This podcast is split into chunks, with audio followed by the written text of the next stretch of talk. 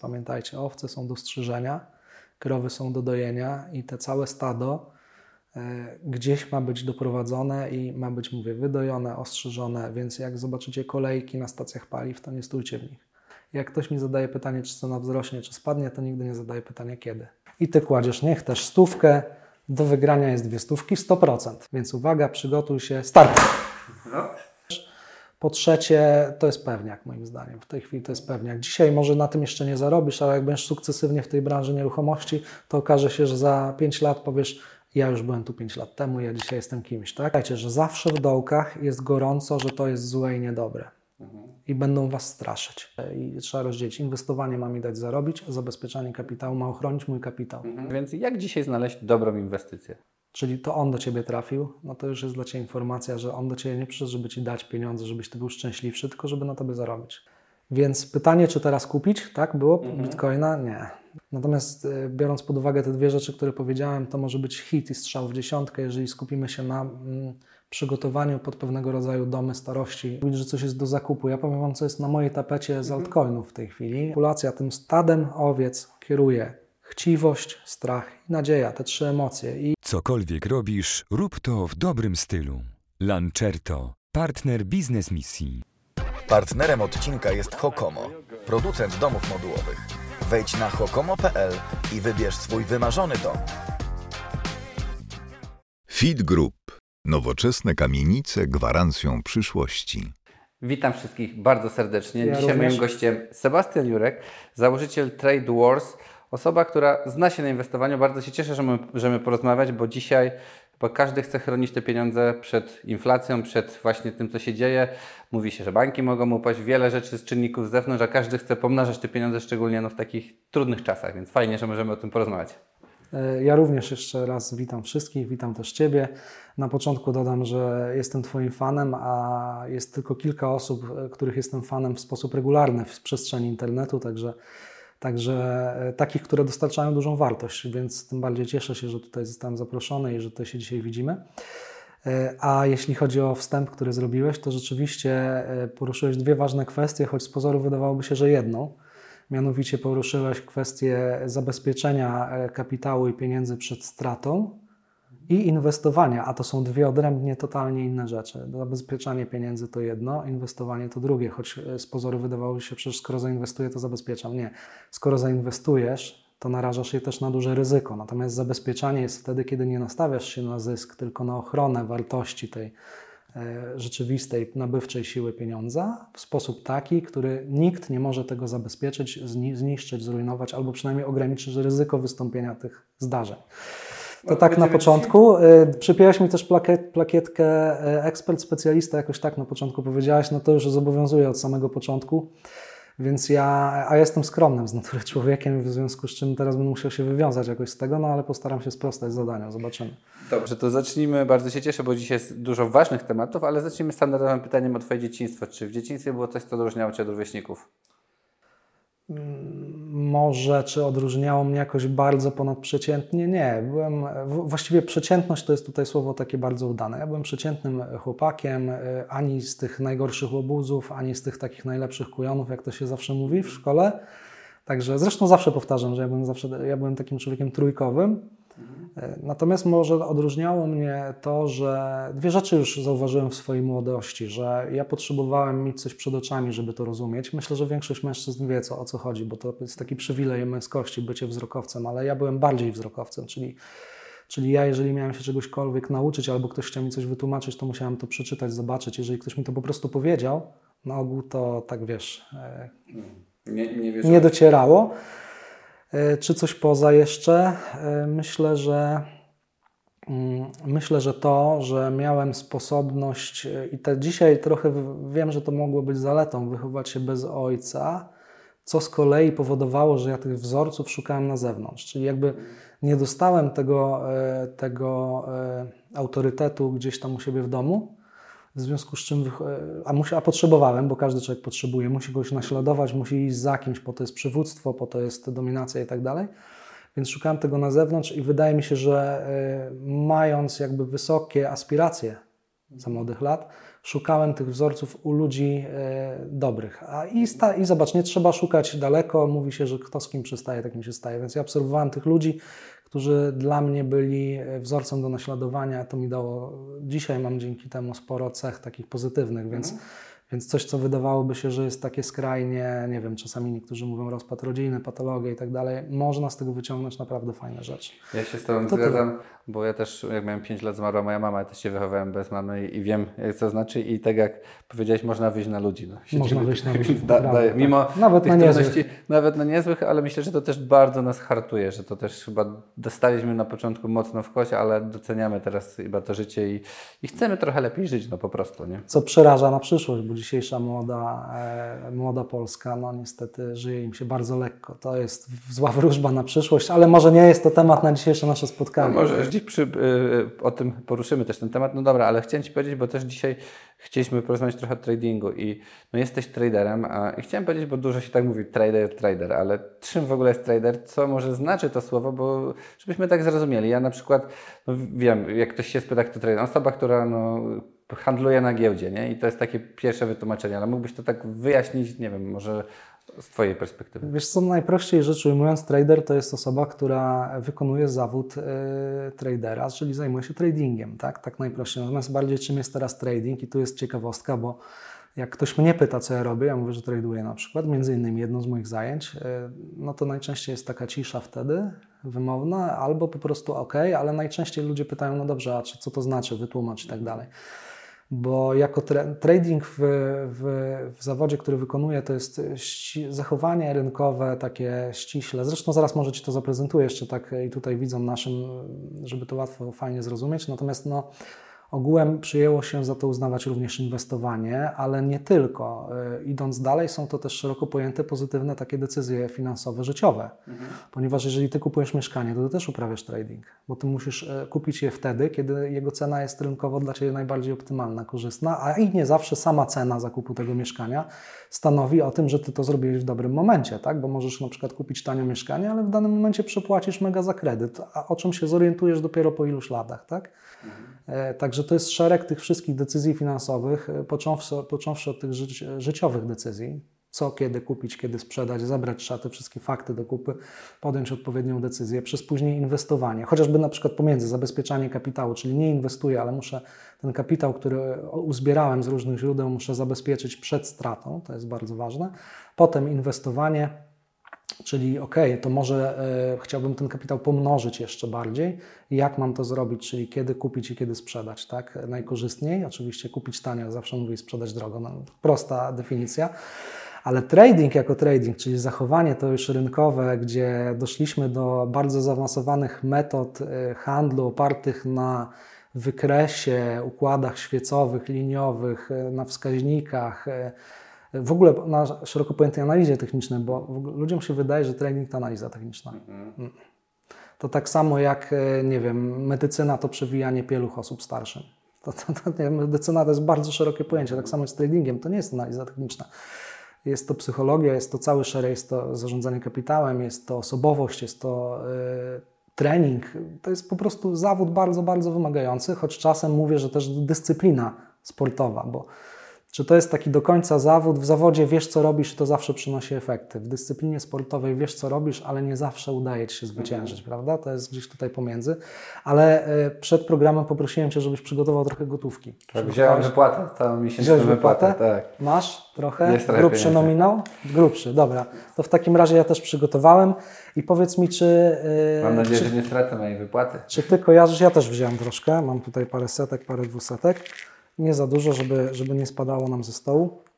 Powiedz mi, czy ty kojarzysz taką grę z dzieciństwa naszego? Mamy, jesteśmy w podobnym wieku, grę w łapki. Mhm. Mówiłeś, tak, że to się te ręce daje i tak, kto pierwszy... Tak, nie wiem, czy widzowie nasi pamiętają, może młodsza, młodsza publiczność niekoniecznie, ale jak się było młodym i nie było tabletów jeszcze, to na przykład jedną z gier podwórkowych była gra w łapki, czyli trzeba było wystawić dłonie, osoba przeciwległa kładła nad i kto szybciej uderzy i tak dalej. No to zabawmy się w takie łapki teraz. Mhm.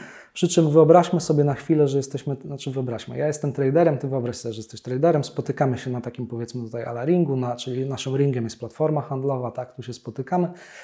E, no i będziemy ze sobą rywalizować. Rywalizacja będzie polegała na bardzo prostej czynności. Chcemy pomnożyć swój kapitał. Mhm. ok?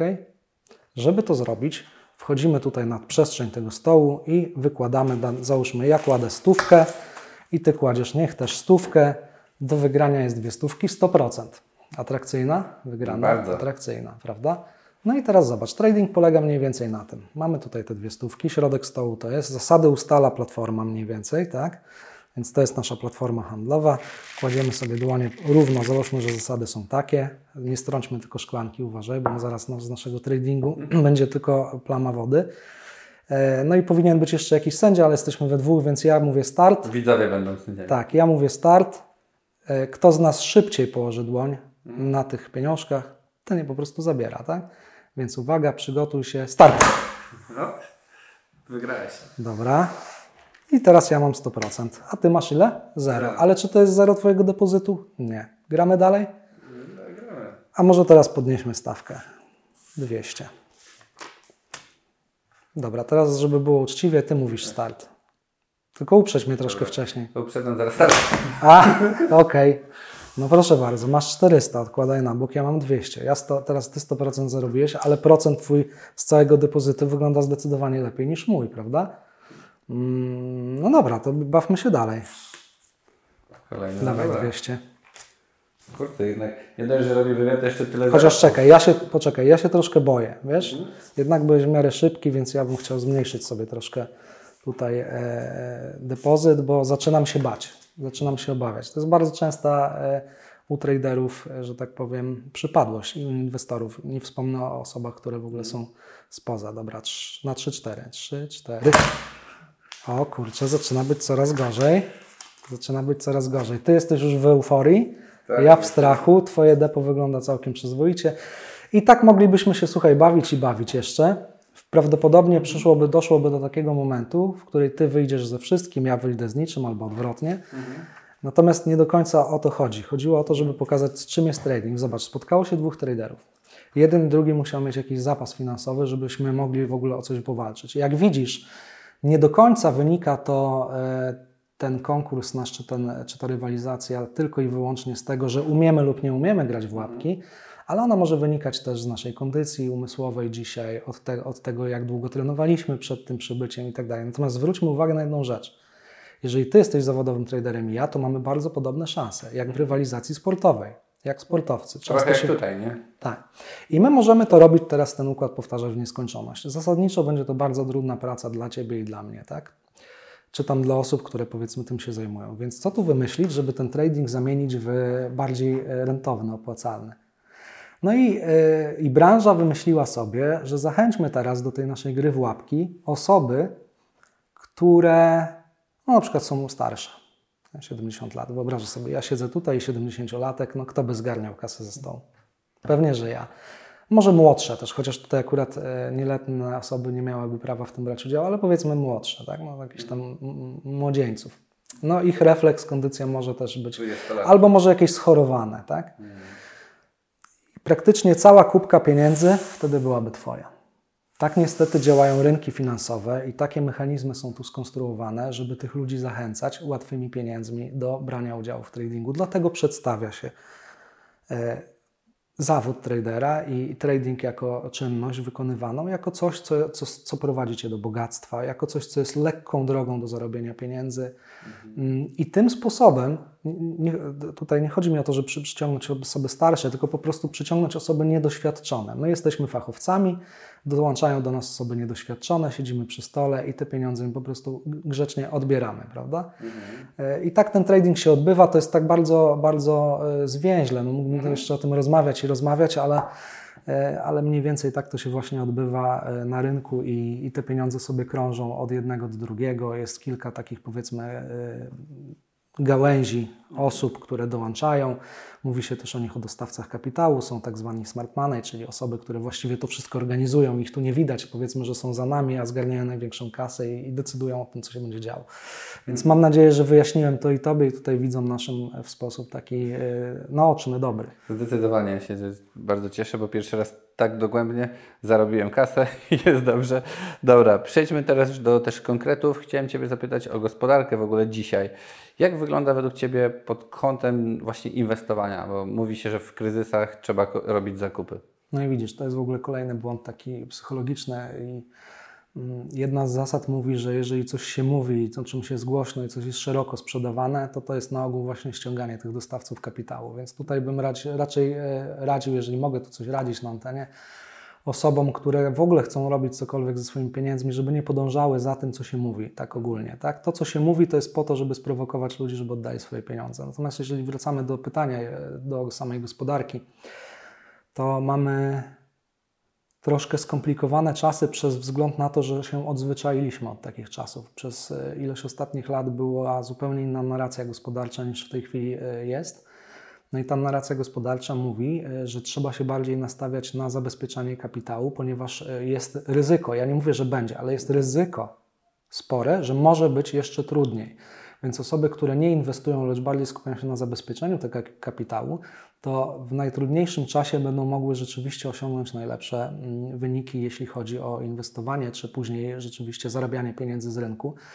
E, no a reszta to praktycznie rzeczy, które są mniej lub bardziej e, oczywiste, czyli w tej chwili co, co nam blokuje dobry e, czas na inwestowanie? Na pewno blokuje nam ten czas podwyższona inflacja. Ponieważ trzeba wyjść z założenia, że żeby w ogóle zarobić cokolwiek z inwestycji, mając cash, pieniądze, to najpierw musimy odrobić koszty w postaci inflacji. Czyli jeżeli inflacja dzisiaj, nie wiem, powiedzmy sobie przyjmijmy 20% wynosi w skali roku, to my musimy w skali roku zarobić 20%, żeby nic nie zarobić tak naprawdę. Tak? Mało tego, musimy zarobić więcej, jeżeli tutaj ogląda, ogląda nas jeden czy drugi matematyk, bo przecież od tych 20% jeszcze trzeba będzie zapłacić 19% podatku. Jak wiesz, podatku belki u nas, więc trzeba zarobić 20% plus, e, chciałem powiedzieć VAT, ale netto 20%. Tak? Tak naprawdę ile musimy zarobić, tego nikt nie wie, bo nie ma takiej jednej cyfry, yy, która określa inflację bardzo dobrze. E, ale, ale wiemy, że ona wzrosła i widzimy to na cenach, więc e, inwestowanie, zobacz, i tak jest trudno, i tak jest trudno dobrze inwestować, zwłaszcza jeżeli ktoś to robi e, od początku, pierwsze kroki w tym stawia. A teraz musi jeszcze zarobić dla sytuacji gospodarczej. Mhm. Więc ja, jeżeli cokolwiek mógłbym teraz komukolwiek doradzić, to skupić się na zabezpieczaniu własności i wartości, mhm. tak? Zabezpieczaniu, ale może jeszcze o tym porozmawiamy, jak zabezpieczać, mhm. niż pchać się na siłę w inwestowanie, bo powtarzam, Chcesz ochronić swój kapitał? To nie znaczy, że masz inwestować. Są na to inne, lepsze pomysły, spokojniejsze i trzeba rozdzielić. Inwestowanie ma mi dać zarobić, zabezpieczanie kapitału ma ochronić mój kapitał. Mhm. Na czas, kiedy pojawi się okazja, prawdziwa okazja, albo na czas, kiedy ktoś chciałby mi zabrać kapitał, ale dzięki temu, że ja mam zabezpieczenie, to mogę sobie na to nie pozwolić. Wiesz o co chodzi? Mhm. Mam taką, tą, jak to się mówi, poduszkę finansową, ale Wtedy każdy myśli o pieniądzach. To nie muszą być pieniądze. Można się zabezpieczyć, nie wiem, na przykład swoim zdrowiem i nabyciem nowych umiejętności, yy, takich nowego fachu, nowego zawodu, czyli zajmuję się, nie wiem, sprzedażą samochodów, ale widzę, że ta branża kuleje, bo sprzedaż samochodów padła, więc może się nauczę czegoś jeszcze. Mhm. Yy, a nuż wideo będzie to dla mnie fajne i ciekawe, na wypadek, gdyby okazało się, że ta branża padnie, a ja wtedy mam fach w ręku, jak to się mówi. Mhm. Starsi ludzie mówili, mam fach w ręku. Nie? Mhm. Tak to wygląda. No dobra, no to powiedz mi w takim razie, jak powiedziałeś, żebyśmy zabezpieczali, ale z drugiej strony e, mówi się o tych okazjach i tak dalej, z drugiej strony powiedziałeś, żeby nie słuchać tego, co mówią, bo jak piszę, no to, to, to może być różnie, więc jak dzisiaj znaleźć dobrą inwestycję? Dobra, przede wszystkim krok numer jeden to nie szukać jej na siłę. To znaczy, widzisz, większość ludzi popełnia taki błąd, że e, decyduje się na inwestowanie wtedy, kiedy ma czas i pieniądze. Czyli mhm. ktoś, Kowalski, zajmuje się jakąś swoją branżą, ale ma teraz tydzień urlopu, pomyślał sobie, o, to zajmę, to teraz przemyślę, w co ja bym zainwestował, tak? No jest to taki w pewien sposób logiczne, nie? Mhm. E, albo załóżmy dostał premię, mam trochę mniej czasu, ale ma jakąś premię, albo coś mu tam wpadło, dobra, trzeba to jakoś zainwestować. To jest pierwszy błąd, który popełnia 90% ludzi. Mhm. Subiektywne odczucie 90%. Ponieważ inwestować skutecznie powinniśmy wtedy, kiedy jest tanio, kiedy jest mega tanio, kiedy otoczenie rynkowe wskazuje wyraźnie, że jest po prostu dół.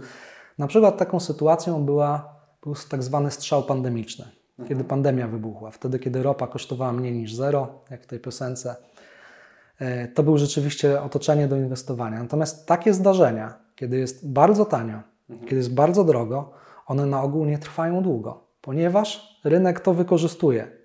Jest bardzo tanio, więc duży kapitał zaczyna zbierać. Jest bardzo drogo, duży kapitał zaczyna sprzedawać. I tym samym, zobacz, Niedawno w Polsce był bardzo drogi kurs walut, prawda? Euro, złot, euro, dolar, funt y, pikowały, ale czy to trwało długo?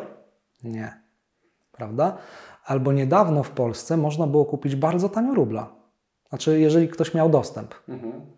Ale czy to trwało długo? Jeżeli tutaj, jeżeli widzowie nie wiedzą, można na wykres zobaczyć. Nie, to trwało bardzo krótko, kiedy rubel był, rubel był bardzo tani.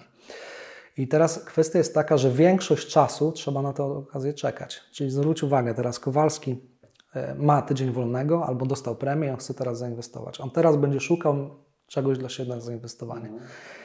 I on nie kupi bardzo tanio, czy też nie sprzeda bardzo drogo, bo prawdopodobnie większość czasu trafia w ten moment, kiedy nie ma tych okazji nadmiar i tak dalej. Tak? No okej, okay, to nie znaczy, że ich w ogóle nie ma. No może jak się bardzo postara, to ją znajdzie, ale zasadniczo jest to e, płynięcie pod prąd. Nie z prądem rzeki, tylko pod prąd. Natomiast jeżeli on umiejętnie zabezpieczy ten kapitał przed stratą, czyli będzie ten kapitał utrzymywał swoją wartość i umiejętnie czekał, a, a inwestowanie, trading i cała ta otoczka jest, y, jest tutaj w kontekście oczekiwania. Tu się większość czasu czeka na okazję. I oczywiście będzie też miał y, swoje zmysły wyczulone, czyli będzie obserwował, co się dzieje i widział, chociaż powiem szczerze, nawet zmysły nie są potrzebne, bo jak jest ten dump mocny, czy pump, czyli mamy górki, szczyty, to to po prostu widać. Wtedy są najwięcej samobójstw, wtedy jest najwięcej bankructw, wtedy po prostu e, otoczka rynkowa mówi nie kupuj, wiesz, jest nie kupuj, bo to w ogóle zobacz, wszystko spada, nie? Mhm. I tu byśmy przeszli do w ogóle drugiej kwestii, że e, wyczekanie, odpowiednie zarządzanie kapitałem i wyczekanie na ten moment, kiedy to jest wszystko tanie, kiedy spada, na przykład jak był ostatnio strzał pandemiczny, albo jak waluty były w kosmosie nasze, znaczy w złotówce, wyczekiwanie na ten moment jest no, bardzo trudne. To jest, wiesz, też umiejętność, ale przechodzimy do kolejnej rzeczy. Jak przyjdzie ten moment, załóżmy, że przyszedłeś krok pierwszy, krok drugi i chciałbyś teraz krok trzeci, czyli rzeczywiście jest tanio, chcę kupić i jest problem. 90% albo po prostu zdecydowana większość nie potrafi tego zrobić. Nawet wiedząc o tym, że, ten, że ta cena jest hiperpromocyjna, mhm. nie, nie potrafi tego zrobić, bo widzisz, kiedy jest tanio, to znaczy, że jest tanio i otoczka e, taka e, fundamentalna wokół danego waloru czy danej branży jest zła. Mhm. Czyli coś mówi się o tym, że coś pada, że coś się bankrutuje, że coś się kończy, że jest po prostu stąd ten proceder. Wtedy jest tanio, jest duża promocja. I działa to na psychikę większości ludzi tak, że oni nie potrafią w tym momencie nacisnąć Enter. Ja miałem przykład takiego kolegi, który kiedyś do mnie zadzwonił i słuchaj, ty tam jesteś znawcą, znasz tego Bitcoina, to byś mi powiedział, kiedy kupić. No i był niecierpliwy, dzwonił, ja mówię, poczekaj, ja ci powiem, spokojnie. No i przyszedł ten dzień, mówię, teraz kupuj. I się rozstaliśmy, za kilka miesięcy widzę wzrosty i mówię, co, zadowolony jesteś, nie? A on na to, a daj spokój. Ja mówię, jak to? Że chciałeś, powiedziałem ci, cena wzrosła, masz tam ładny zysk. Wiesz co, nie kupiłem. Ja mówię, jak to? No mówi, słuchaj, jakaś, nie wiem jak Ci to wytłumaczyć, ale jakaś wyższa siła była nade mną i tak jakby mnie trzymała za palec, nie byłem w stanie kliknąć Enter. No wiesz, ale to jest znowu, działa na Ciebie y, szereg, jesteś ostrzeliwany, tak? Mhm. To ma upaść, to, to, to bankrutuje, to padnie, coś się stanie i tak dalej. I Ty ewolucja skonstruowała Cię w taki sposób, że Ty zbierając te bodźce z rynku, yy, mówisz, no kurczę, jak ja mam nabyć coś, co jest tutaj w rozkładzie, w rozpadzie i w dramacie. I nie jest w stanie kupić. W drugą stronę jeszcze powiem Ci, tak samo jest w przeciwnym kierunku. Jeżeli coś rośnie, często nie potrafimy wtedy tego sprzedać. Jesteśmy y, nagabywani wręcz tym, że przecież to jest tak wspaniałe. Jak ja mogę pozbyć się czegoś, co już w moim depozycie zbudowało, nie wiem, zysk rzędu kilku, kilkunastu, kilkuset może procent. Jak, jak ja mam się tego pozbyć, nie? A, a, jeszcze nie daj Bóg, jeżeli mam mniejsze doświadczenie, nie wyższe, zresztą nie trzeba mieć, mogę mieć e, małe, duże doświadczenie i też nie wyjdę w szczycie i sprzedam, a potem cena urosła. No to już potem nigdy nie będę umiał sprzedać w szczycie, nie? I wiesz, i potem to się kończy takimi historiami, że e, znowu jak przypomnisz sobie to, jak ludzie stali w kolejkach e, do kantorów teraz, mhm. jak były te waluty drogie, to ludzie stali w kolejkach do kantorów, nie? Gdzie jest logika tutaj, powiedz? Dzisiaj muszą patrzeć, jak ich kapitał stopniał, nie wiem, kilkanaście, może nawet więcej procent, tak? Mhm. Czyli to psychologia tłumu niestety. Psychologia tłumu, tak. Działa. Mhm.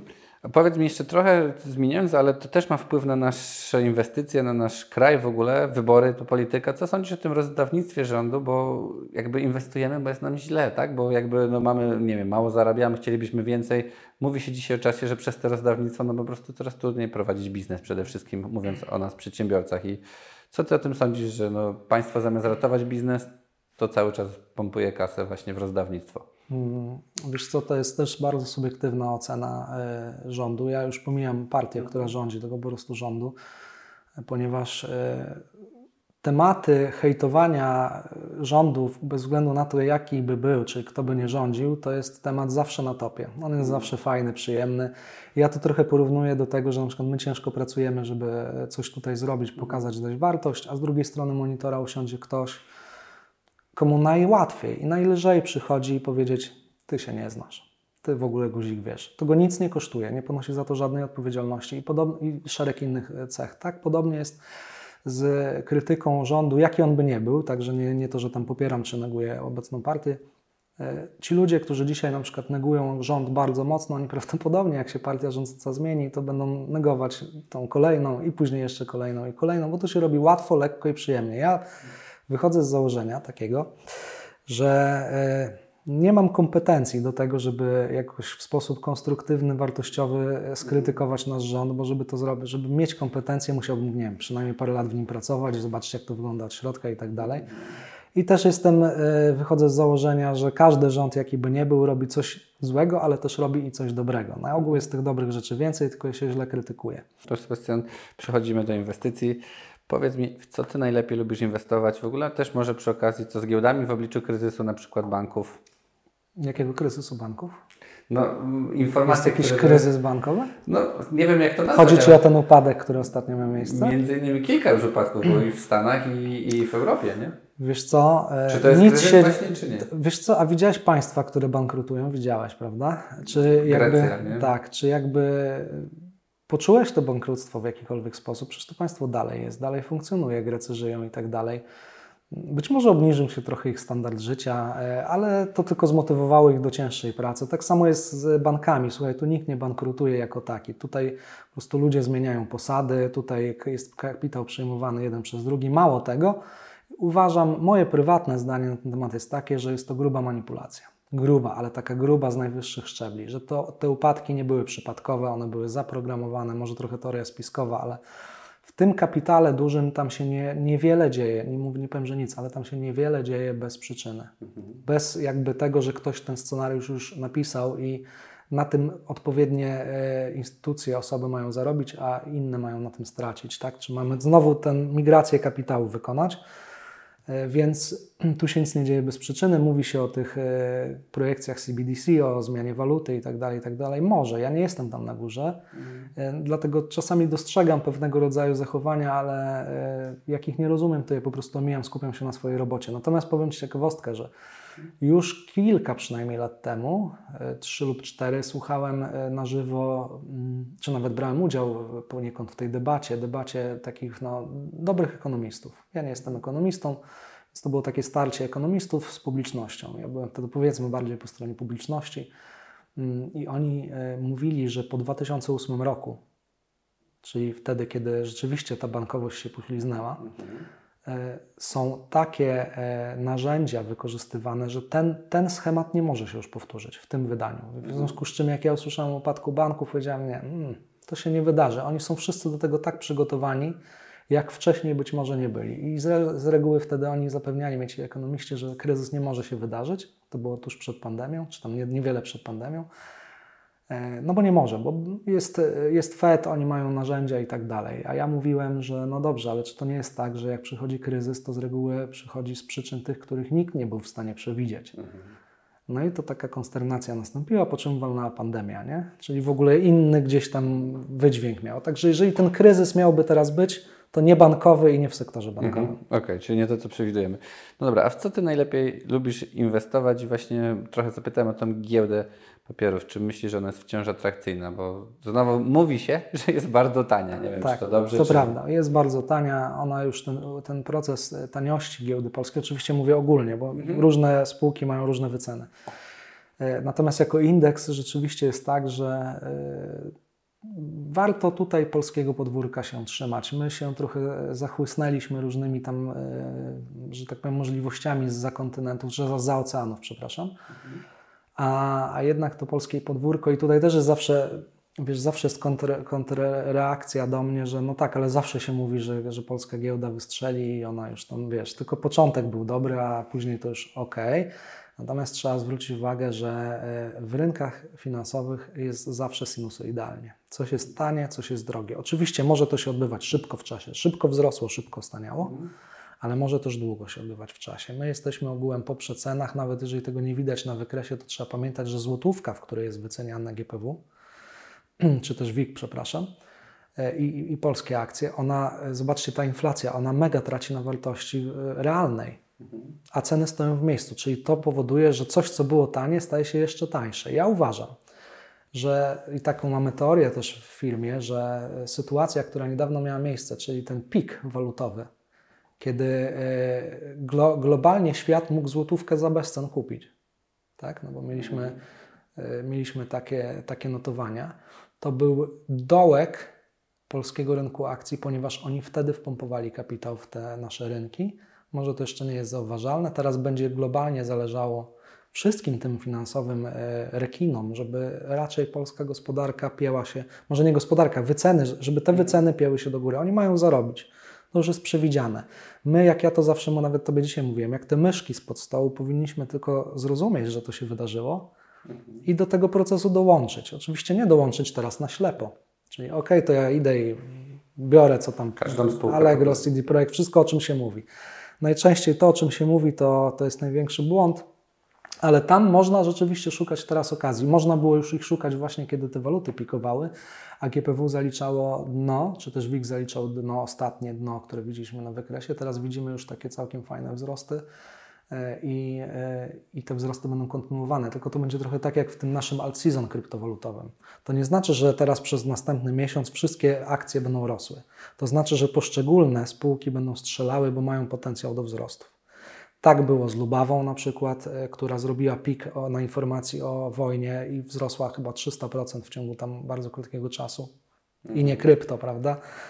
E, tak teraz mają spółki budowlane, co po niektóre, które już są wyceniane w perspektywie odbudowy ukraińskich e, terytoriów. Mm, także teraz będą strzelać. Czyli tak, mamy narrację wzrostową, mhm. trend wzrostowy, który już jakby poniekąd się potwierdził. Teraz trzeba wybrać te oczka, które mają najlepsze układy do wzrostu. Mhm, Cała Zdecydowanie.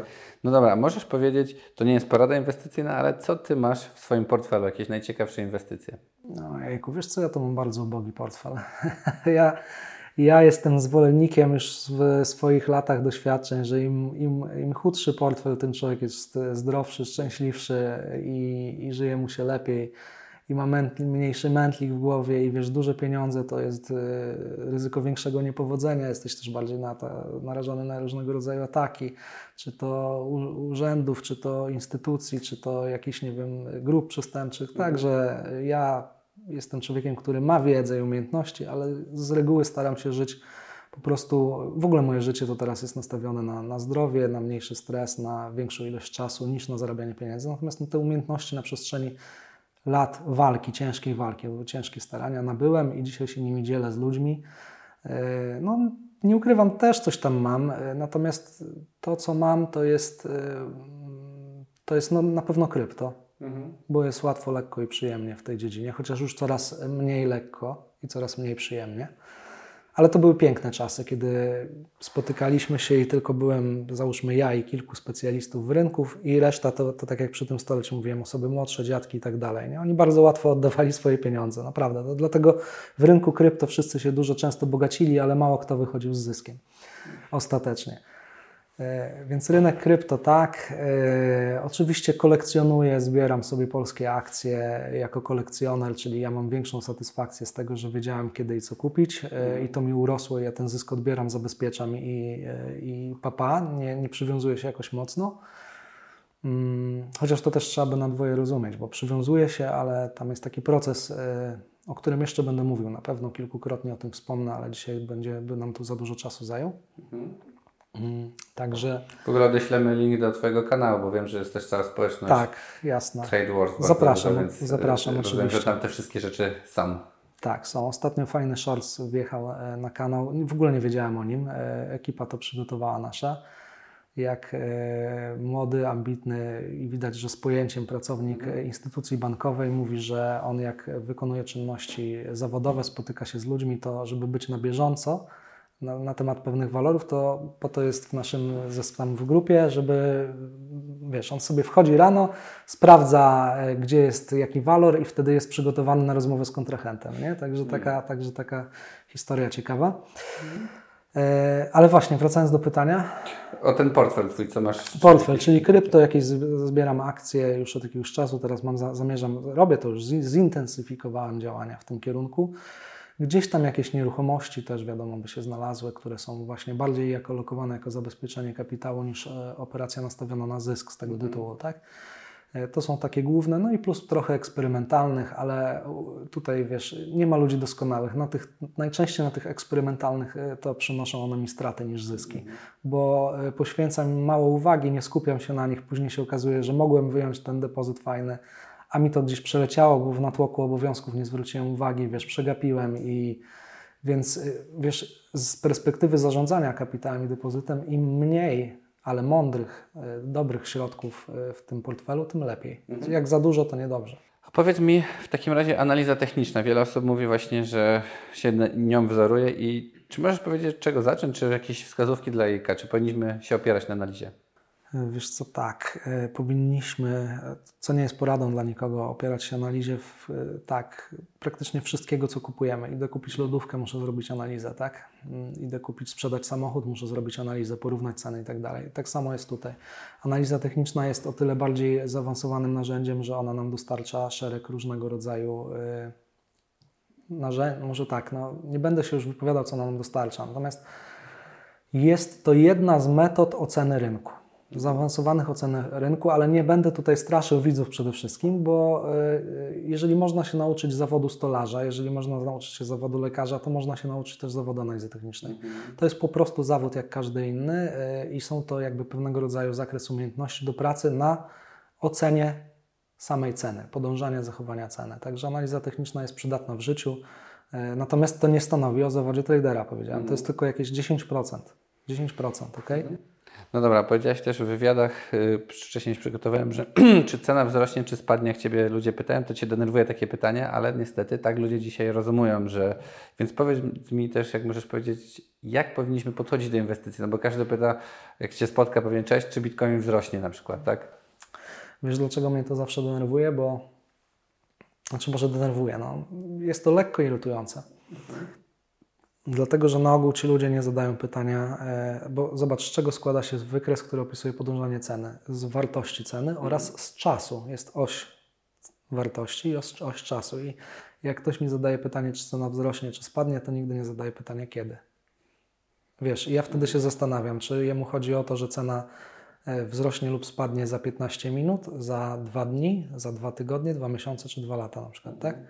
I wiesz, tak naprawdę, a cena rusza się, tak jak powiedziałem, sinusoidalnie. Ona wzrasta i spada, więc jeżeli weźmiemy do tego interwał czasowy, nie wiem, miesięczny, to w ciągu miesiąca ta cena może ileś tam naście razy czy dziesiąt spaść i wzrosnąć. wzrosnąć. Mhm. Więc jak ja mam odpowiedzieć na to pytanie? Często wtedy doprecyzowuję pytanie i pytam, no ale musisz mi powiedzieć, czy tobie zależy, nie wiem, bo ty chcesz y, w najbliższym tygodniu spieniężyć dolara, czy tam sprzedać mhm. nieruchomość, czy Tobie zależy na informacji, co będzie się działo na przestrzeni lat. I tu dodam, że tym większa skuteczność analityka, im mniejszy zakres czasowy. Także im bardziej w czasie się wydłużamy, tym nasza skuteczność spada.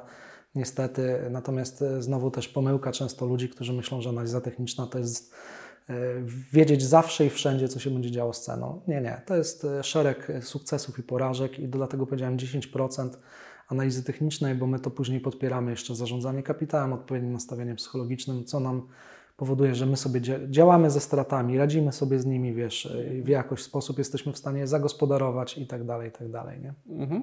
A powiedz mi też, bo wiele osób doradza właśnie w internecie, no wszędzie inwestuj w złoto, kryptowaluty, nieruchomości, ale tak naprawdę też często ludzie sprzedają szkolenia różne, na różny temat i w ogóle jest taki tak dużo natłok tej informacji, że dzisiaj jak wejdziesz właśnie, czy coś spadnie, to połowa powie tak, druga nie. I czy ty możesz powiedzieć, jak odróżnić w ogóle takiego ściemniacza, niektórzy... No, hmm? Czy coś spadnie lub wzrośnie? Dlaczego, wiesz, dlaczego jedni powiedzą... Załóżmy, że to są profesjonaliści. Wiesz, dlaczego jedni powiedzą, że spadnie, a drudzy, że wzrosną? Bo nie doprecyzowałeś pytania. Mhm. Kiedy? Mhm. Bo ty pytasz, czy coś spadnie, ale kiedy?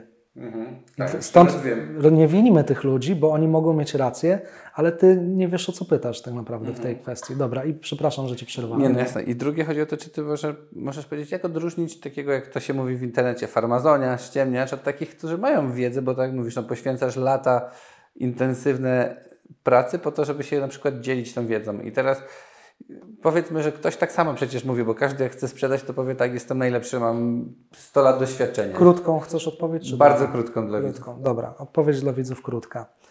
E, zasada bardzo prosta, też życiowa, można ją też do innych rzeczy prze, przełożyć. Jeżeli e, ktoś do Ciebie dociera z informacją, że on chce Ciebie czegoś nauczyć, czy tam przygotować, czyli to on do ciebie trafił, no to już jest dla ciebie informacja, że on do ciebie nie przyszedł, żeby ci dać pieniądze, żebyś ty był szczęśliwszy, tylko żeby na tobie zarobić. Mhm. Tak? Jeżeli oczywiście jak odróżnić, czyli teraz załóżmy, że jest ktoś, kto rzeczywiście mógłby cię czegoś fajnego nauczyć, to nie czekasz, aż on do ciebie trafi, tylko musisz ty sam wykonać pracę i poszukać tej osoby. Najczęściej to będzie osoba, która się nie będzie mocno afiszowała, może troszkę, ale nie mocno, albo najlepiej w ogóle i, e, i, i poprosić ją. Ja tak zrobiłem. Ja tak właśnie, moje początki to było tak, że ja wiesz, byłem, strzelali do mnie z propozycjami, e, jak do wszystkich, bo to jest przekaz medialny, publiczny. A ja sobie po prostu znalazłem osobę, która widziałem, że zarabia. I to jest w ogóle też taki przepis na życie. Znajdź kogoś, kto zarabia w danej branży i potem rób wszystko, żeby go wyprosić, żeby no wszystko, co można, żeby, cię, żeby się zgodził Ciebie nauczyć. Bądź przy nim, bierz z niego przykład, wiesz, czerp z jego wiedzy. No, czyli prosta zasada. Albo ktoś Ciebie znalazł, to ja dziękuję, a jeżeli chcesz, żeby to miało wartość, to Ty tego poszukaj. Dobra, powiedz mi, geometria, Fibonacci, inne metody, wiem, że też stosujesz, często o nich mówisz na kanale. Chciałem zapytać pokrótce, czy warto je stosować? Może no, pewnie długo będę zajęła opowieść, ale czy one też pomagają jakby przybliżyć ten sukces? Zobacz, analiza techniczna to jest tak jak znowu medycyna. Mhm. Medycyna w jednym słowie, ale w słowie medycyna zawiera się e, i farmakologia i tak dalej, i tak dalej, i, i lecznictwo, i poszczególni specjaliści danych branż. Tak samo jest w analizie technicznej. Mm, ja nigdy nie lubiłem i dalej nie lubię przebijać się, która z metod analizy technicznej jest skuteczna. Laik będzie się bił, a moja jest lepsza, a twoja jest lepsza, moja jest skuteczniejsza. To tak nie działa. Jeżeli zostaniesz, jeżeli, może inaczej, trzeba ją dostosować do tego, co kto lubi robić, tak? Bo, bo inwestor, który inwestuje długoterminowo, będzie korzystał z innych narzędzi, trader, który chce dzisiaj wejść w rynek i dziś spróbować zarobić, będzie korzystał z innych narzędzi, ale jakby wspólny mianownik jest ten sam. Mhm. Musisz zostać dobry w tej dziedzinie. Czyli czy to będzie Fibonacci, czy to będą fale, czy to będzie cokolwiek innego jeszcze, to po prostu skup się na tym i zostań w tym dobry. E, trochę zmieniając temat nieruchomości. Wcześniej trochę powiedziałeś, ale chciałem zapytać, czy według Ciebie od strony inwestorskiej, czy nadal opłaca się kupować nieruchomości? Jeśli tak, to może gdzie i jakie? Nieruchomości jako zabezpieczenie kapitału. Mhm. Nie jako inwestowanie, tak? Bo, żeby, e, bo teraz tak, jako inwestor, jeżeli ja mam kupić nieruchomość jako inwestor, to po pierwsze, nie inwestuję, w ogóle jedna z zasad mówi, nie inwestuję w branżę, którą nie znam lub znam słabo. Mhm. Inwestuję w branżę, którą znam, bądź też w której stałem się już ekspertem. Tam będę wiedział, będę miał oczy szeroko otwarte i zobaczę, co jest tanie, co jest droga. Znajdziesz okazję. Nie? Znajdę okazję. Jeżeli jestem laikiem, to może znajdę, ale to loteria. To przypiszę sobie wtedy sukces losowi. A jeżeli mam mieć sukces, to muszę branżę poznać. To jest, to jest wynik. I teraz w branży w tej branży zabezpieczenie, inwestycje w nieruchomość to jest dobre, jeżeli chcemy zabezpieczyć kapitał. Mhm. Prawie dla każdego. Ale jeżeli chcielibyśmy zainwestować i zarobić, to musimy być w tej branży ekspertem, tak? Tak, no teraz jest moda na przeróbki, właśnie nie wiem, mieszkania na, dwa poko- na dwie kawalerki i tak dalej. A zaraz przyjdzie nowy rząd, albo będzie ten sam, albo przyjdzie jakaś dyrektywa z Unii i powie, że metraż ma być taki, albo podatek dajemy od małych większy, od dużych ten i się wszystko wyrówna i będzie po, po temacie. Ale skąd możesz o tym wiedzieć, czy ja, czy ty, jeżeli my nie jesteśmy z branży, prawda? Więc trzeba być przede wszystkim, chcesz zarobić dużo na nieruchomościach, musisz być branżowcem, tak? Albo mieć kogoś bliskiego, kto cię będzie prowadził. Poszukaj wujka, cioci, brata, szwagra, który pracuje w tej branży i ma sukcesy, bo może pracować, ale nie ma sukcesów. Więc y, ja powiedzmy jestem gdzieś tam w środku y, tego wszystkiego, trochę się, trochę się znam na nieruchomościach, ale nie czuję się jakimś znakomitym ekspertem, dlatego uważam, że, za, że w moim przypadku nieruchomości to jest zabezpieczanie kapitału. Gdybym chciał na tym zarobić, ok, rzucam wszystko, skupiam się na tym, poznaję rynek. Jak poznaję? Bardzo łatwo. Szukam fachowca, chodzę za nim, śledzę go, ale to ja go mam znaleźć, tak jak to powiedziałem, a nie, że on do mnie dotarł. E, no i pewnie gdzieś tam przy tym temacie się będę kręcił i uda mi się znaleźć taką nieruchomość, tak? W jakiejś takiej, no co się ciekawego okaże? Znajdę tę nieruchomość w tak prawdopodobnie nieoczekiwanym miejscu, e, które z pozoru wydawałoby się w ogóle nieatrakcyjne, a jednak okazało się ostatecznie atrakcyjne. Nie? Tak, czyli, czyli to trochę tak z edukacji, a z konkretów, no to rzeczywiście tam mówi się teraz o tej Wielkiej Piątce, że duże miasta i tak dalej. Mówi się o tym dzieleniu dużych nieruchomości na mniejsze, tak? Ja, gdybym ja miał szukać okazji w nieruchomościach, to skupiłbym się na tej, e, tym odłamie nieruchomości, które są skierowane do naszych gości z Ukrainy, którzy nas, nasz kraj odwiedzili i odwiedzają, ponieważ uważam, że to jest coś takiego jeszcze nadal bardzo świeżego. Mm. Uważam, że ci ludzie będą e, nadal z nami e, z Ukrainy przez dłuższy czas, będą tutaj się osiedlać już na stałe być może bym szukał właśnie tutaj nieruchomości skierowanych do tych osób. Natomiast jakie to by były nieruchomości, to trzeba by też się trochę przygotować. Nie jestem w stanie dzisiaj mhm. odpowiedzieć, że nie wiem, bardzo ekskluzywne, duże, małe i tak dalej, ale tu bym piął, ponieważ tutaj nasze społeczeństwo wzrosło i jeszcze jeden typ nieruchomości. Nasz, nasze społeczeństwo się starzeje, tak jak na zachodzie. Robi, gdzie mamy dobrobyt, coraz mniejsza populacja, mniejszy przyrost naturalny uważam, że szukanie e, dzisiaj może jeszcze nie atrakcyjne, ale dzisiaj już można to robić i mieć profity za, za jakiś czas. Szukanie e, okazji w tej chwili. Dzisiaj dużo lokali usługowych się e, upada, bo się przenosi wszystko do, krypto, do internetu, przepraszam, do krypto. Mamy pustostany, które są nieatrakcyjne, bo ceny prądu, w ogóle utrzymanie takich ogrzania, takich pustostanów jest nieatrakcyjne. Natomiast e, biorąc pod uwagę te dwie rzeczy, które powiedziałem, to może być hit i strzał w dziesiątkę, jeżeli skupimy się na mm, przygotowaniu pod pewnego rodzaju domy starości. E, dzisiaj to się prosto nazywa domy starości, ale myślę, że takie nawet e, nie nazywałbym tego tak domy starości. To się w ogóle z nazwy źle kojarzy. Ale jakieś ośrodki takie, nie wiem, musiałbym wymyślić nazwę, coś przyjemnego, fajnego E, co by się Sanatoria dobrze... dla dorosłych, dla starszych. Tu trzeba jakiejś dobrej nazwy, ale Jasne. to daje pewnego rodzaju lukę, ponieważ tak, po pierwsze te miejsca będą dobrze dofinansowywane, mhm. po drugie będą dobrze traktowane przez każdą władzę naszą, e, ponieważ będą potrzebne, będzie, będzie deficyt tego, elektorat też. Po trzecie, to jest pewniak moim zdaniem. W tej chwili to jest pewniak. Dzisiaj może na tym jeszcze nie zarobisz, ale jak będziesz sukcesywnie w tej branży nieruchomości, to okaże się, że za 5 lat powiesz, ja już byłem tu 5 lat temu, ja dzisiaj jestem kimś, tak? A wy możecie dzisiaj patrzeć, kurczę, skąd on wiedział, że to tak wcześniej trzeba zrobić, nie? Zdecydowanie, mądra porada. No to przechodzimy teraz do tego chyba, co lubisz najbardziej, kryptowaluty. I powiedz mi, Bitcoin. Chciałem Ciebie zapytać, co dalej, bo ja sam żałuję, że nie kupiłem przy 16 tysiącach, ale już jest, no wiesz, nie wiem, jak publikujemy, to się tak może zmienić, ale urosło bardzo dużo, prawie 100%, yy, więc jak ktoś mówi, nikt nie ma złotej kuli, ale jak ty prognozujesz, bo ja na przykład cały czas wewnętrznie się zastanawiam, kupić czy nie kupić. Może, y, wiesz, pójdzie do tych 100 tysięcy i jeszcze zarobię 100%. Widzisz, dobrze, że powiedziałeś, że 100% to dużo. Urosło 100% to jest dużo, bo to jest dużo, rzeczywiście. Nawet w otoczeniu teraz tych negatywnych warunków gospodarczych 100% w krótkim czasie, w kilka miesięcy, od, od grudnia mniej więcej ubiegłego roku, to jest dużo. A widzisz, dla e, kryptoświata, dla kryptomaniaków i tak dalej, to jest bardzo mało. Oni, e, to znaczy bardzo mało, bo ludzie przez krypto, przez świata krypto przyzwyczaili się, że, że rząd kilkuset przynajmniej procent, bo stówka to jest taki socjal, nie? Kilkaset to jest optymalnie, najlepiej kilka tysięcy, bo tyle się tam gdzieś na altcoinach pokazuje, że, że tyle rosną. Nie mówię, że zarabia. I to jest bardzo dobry tak myślenia, ponieważ ja myślę, że dla tych ludzi z kryptoświata te kilkaset i te tysiące procent mogą być zgubne. Oni będą oczekiwali takich zwrotów z inwestycji, jakie widzieli, jakie ich umysł i, i wzrok dostrzegał przez ostatnie lata. I to będzie jakby gwóźdź do ich trumny. Ktoś, kto zdaje sobie sprawę z tego, że 100% zarobić na czymś to jest dużo, to już jest, już jest tutaj w bardzo dobrej pozycji. No, y, staram się w, trochę w Twoją skórę wejść. Rzeczywiście może być mi przykro, jeżeli widzę, że coś wzrosło 100%, a ja tego nie wziąłem, choć chciałem. ale to mogę tylko powiedzieć, że trzeba było oglądać moje nagrania w grudniu, e, gdzie ewidentnie zrobiłem taki prosty przekaz wtedy, prosty. Bo, bo z reguły robię skomplikowane. Oceniam sytuację szeroko. Mhm. Mówię o wszystkich rzeczach, które się dzieją, które mają wpływ. Ale wtedy pomyślałem sobie, dobra, damy trochę tym ludziom, czy tak, czy nie. I taki nagłówek poszedł, czy kupić teraz bitcoina, w tej chwili. I padła odpowiedź, nie jest to dla Was porada, mówię to na podstawie znajomych, jeżeli mnie ktoś pyta, to kupić. I tak poszliśmy przy 16 tysiącach, dzisiaj jest 100% e, są realizacje. Więc pytanie, czy teraz kupić, tak było mhm. bitcoina? Nie.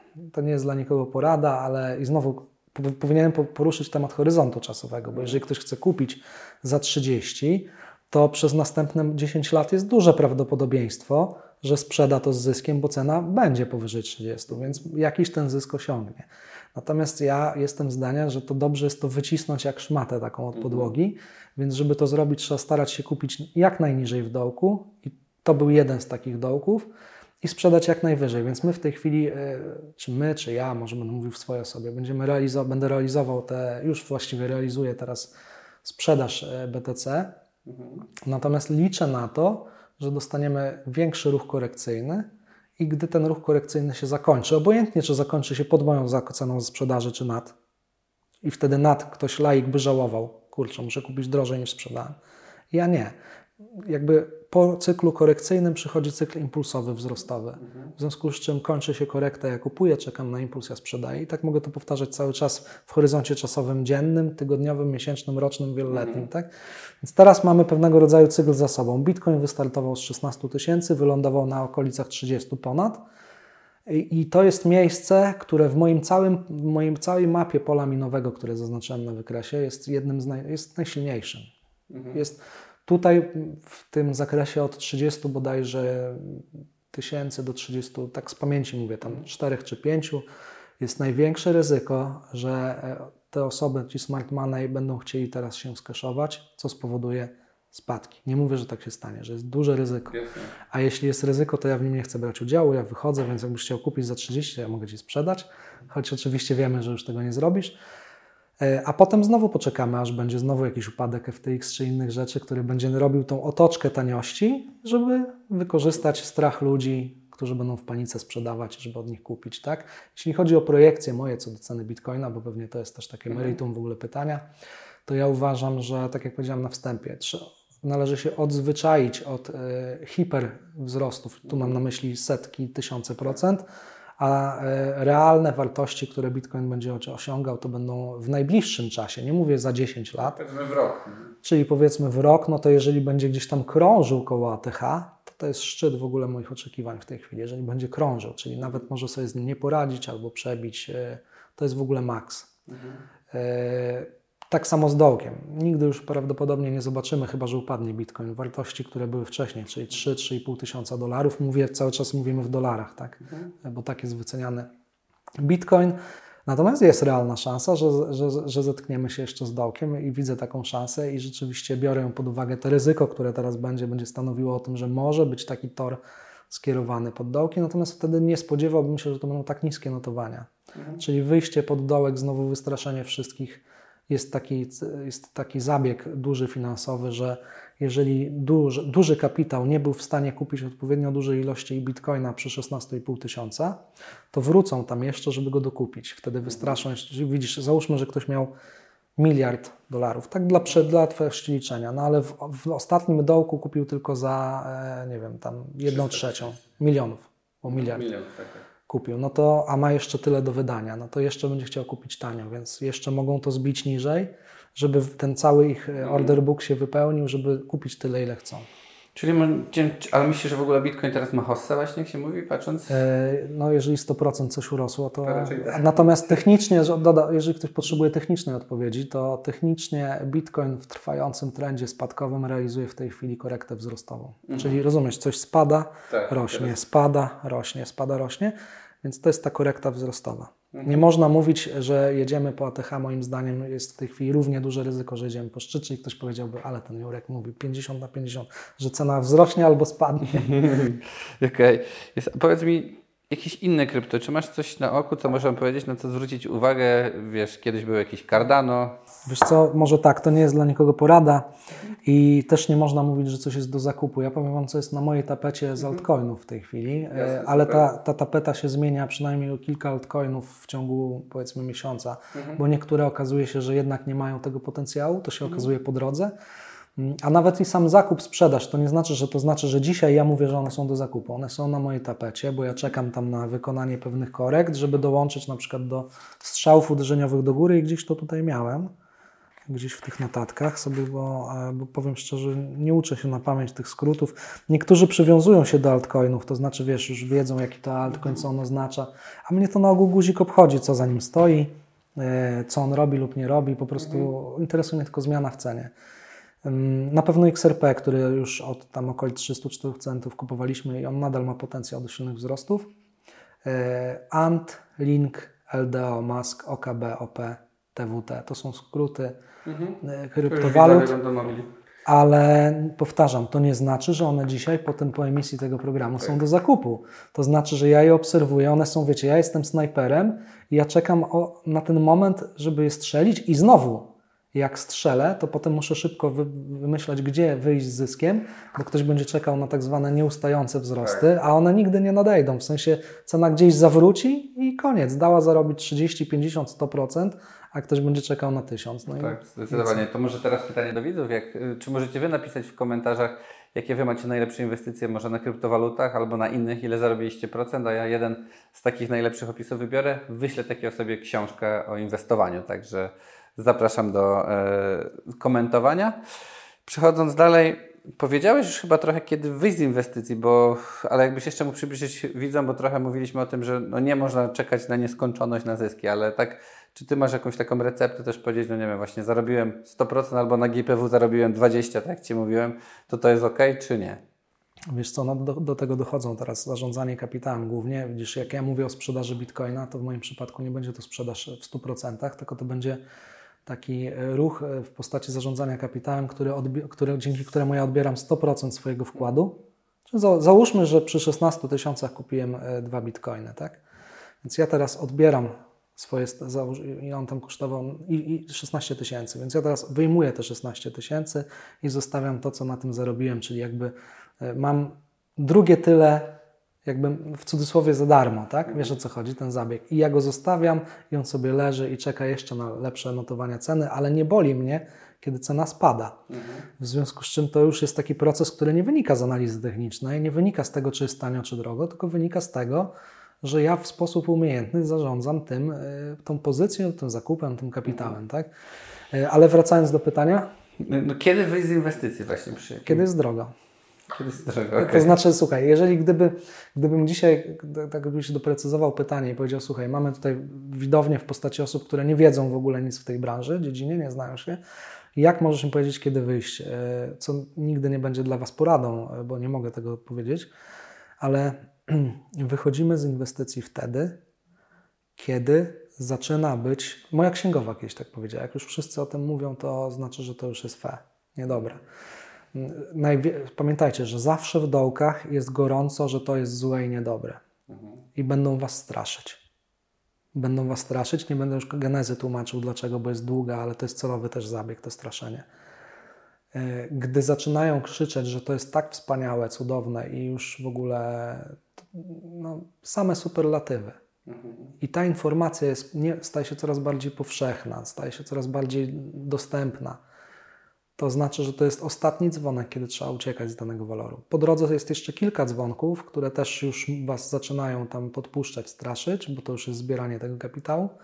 Więc po prostu, kiedy e, laik powinien sprzedawać, kiedy już zaczyna się robić modny ten walor, głośno o nim, to już trzeba z niego wychodzić, mhm. tak? A powiedz mi jeszcze, prawie kończąc, inne inwestycje. Co Ty sądzisz na przykład złoto, waluty? Czy to też dobry czas, bo też w walutach wiem, że nie, bo już mówimy, że spadają. E, no waluty to był dobry czas na handel, jak były w szczycie, nie? albo w dołku, jak rubel. E, natomiast jeśli chodzi o, e, o złoto i inne walory, no to konkretyzujesz pytanie. Chodzi Ci o na metale szlachetne, tak? Na przykład złoto, tak, srebro. Mm, Nie, jesteśmy totalnie w środku, czyli znaczy lokalnie powinny przyjść korekty, a tak globalnie jesteśmy w środku, czyli znowu mieliśmy czas, kiedy dno, takie dno fajne było za nami, ja je pokazywałem, nawet lokalne dno, kiedy było za nami. Teraz jesteśmy bliżej szczytów przedkorekcyjnych, czyli e, może być tak, że za chwilę zaczniemy obserwować, jak wszyscy kupują złoto. Mhm. Mm, zaraz skończy się taki pik e, indeksów moim zdaniem i powinniśmy dostać trochę większe korekty amerykańskich między innymi. E, wtedy, wtedy kapitał prze... i zresztą no, korelacja z dolarem, ale to już nie będę opowiadał. Mm, I znowu będzie kapitał wchodził w złoto, ale ten z ulicy tak zwanej, czyli od dostawców kapitału. Wtedy rozpoczną się prawdopodobnie korekty, ale one są też tylko lokalne, więc szczytów złota jeszcze, nie, jeszcze na razie na horyzoncie nie ma, ale to nie znaczy, że teraz ono jest do zakupu. Mhm. E, srebro podobnie, ono już potwierdza trend, ale jesteśmy totalnie w środku. Jest naprawdę dla mnie w tej chwili już od jakiegoś czasu, tak w długim terminie jako inwestora, złoto i srebro, srebro są takie mhm. mdłe, mgliste. No, było tanio i jeszcze nie jest drogo. Okej, okay. no to, jest środek. środku. A powiedz mi jeszcze, bo też powiedziałeś, że bardzo intensywnie pracowałeś, praca w ogóle w trading to jest duża odporność psychiczna, stres i tak dalej. I wiem, że macie w ogóle w Trade Wars psychologa i w ogóle jaka jest rola i on może pomóc właśnie. No, fajnie, że to zauważasz, bo rzeczywiście jest chyba dużo problemów, te osoby są zestresowane. Zobacz, na początku naszego spotkania powiedziałem Ci, że analiza techniczna to jest 10%, że tak powiem, e, fachu tego tradera, nie? Tylko 10%. No to myślę, że kwestia e, psychologii e, tak szeroko pojętej to jest jakieś 40%. Gdzieś tam pomiędzy jeszcze wciśniemy zarządzanie kapitałem.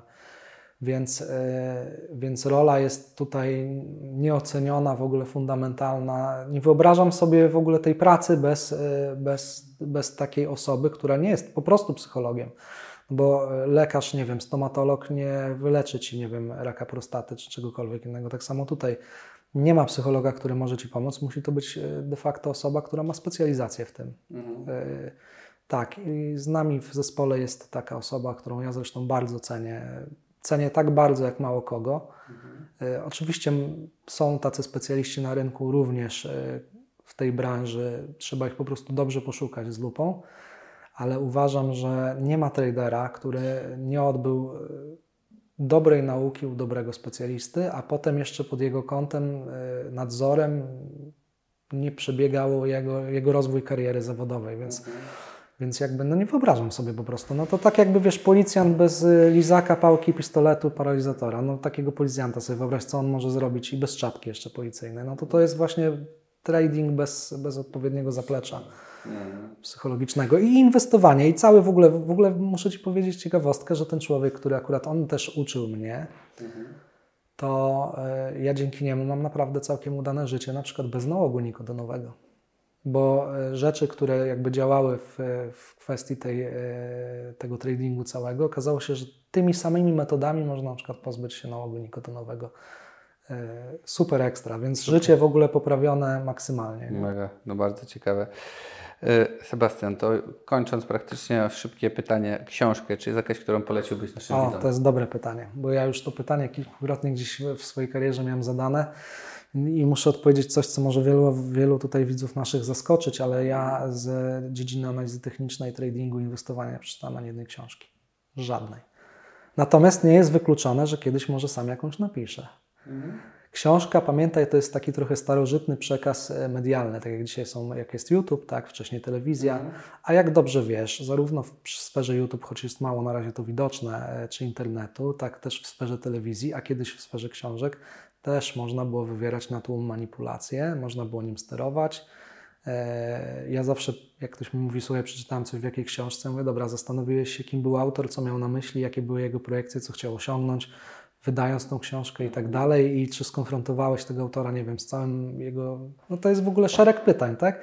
Nie neguję absolutnie. No nie neguję ani oglądania YouTube'a, ani czytania książek, ani oglądania telewizji, jeżeli trzeba. Natomiast, natomiast e, moja droga jest inna. Ja znalazłem ludzi, ekspertów, w cudzysłowie, bo oni się nie nazywali ekspertami, także że publicznie wiesz. I ja e, za wszelką cenę prosiłem ich o to, żeby oni mi pomogli dojść gdzieś tam chociaż trochę, gdzie oni są. Nie? Mhm. I to takie, taka stara, dobra szkoła może, mhm. taka praktyka, czyli człowiek musiał się uczyć teorii i praktyki. Ja byłem bardziej praktykiem i, i wiesz, i tak i jest, cieszę się z tego. Myślę, że to mnie doprowadziło w bardzo dobre miejsce w tej mhm. chwili. No to kończąc, czy jest coś, co chciałbyś przekazać naszym widzom?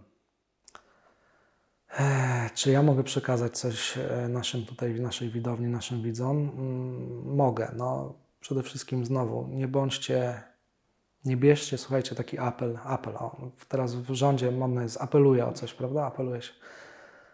Mm, e, myślę, że najsensowniejsze w najkrótszym ujęciu będzie apel o to, żebyście nie podążali za tłumem, nie byli w stadzie owiec, jedną z owiec. Pamiętajcie, owce są do strzyżenia, krowy są do dojenia i te całe stado e, gdzieś ma być doprowadzone i ma być, mówię, wydojone, ostrzyżone, więc jak zobaczycie kolejki na stacjach paliw, to nie stójcie w nich.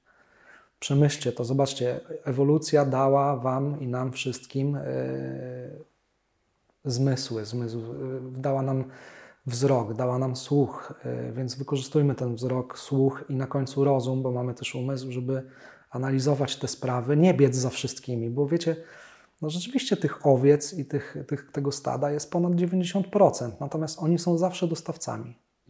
Oni muszą zarobić na pozostałych kilka procent. Nie stójcie w kolejkach do kantorów, kiedy euro i dolar kosztuje niebotyczne, historycznie niespotykane wartości. Mm, nie stójcie w kolejkach, nie, nie kupujcie papieru toaletowego, kiedy wszyscy go kupują, prawda? To znaczy, no nie wiem, czy węgla, jeżeli teraz były braki, medialnie mówiło się o brakach e, zapasów i przeżyliśmy zimę, prawda? A, a, a po węgiel stały kolejki i zapisy i zabijały się, bo to był...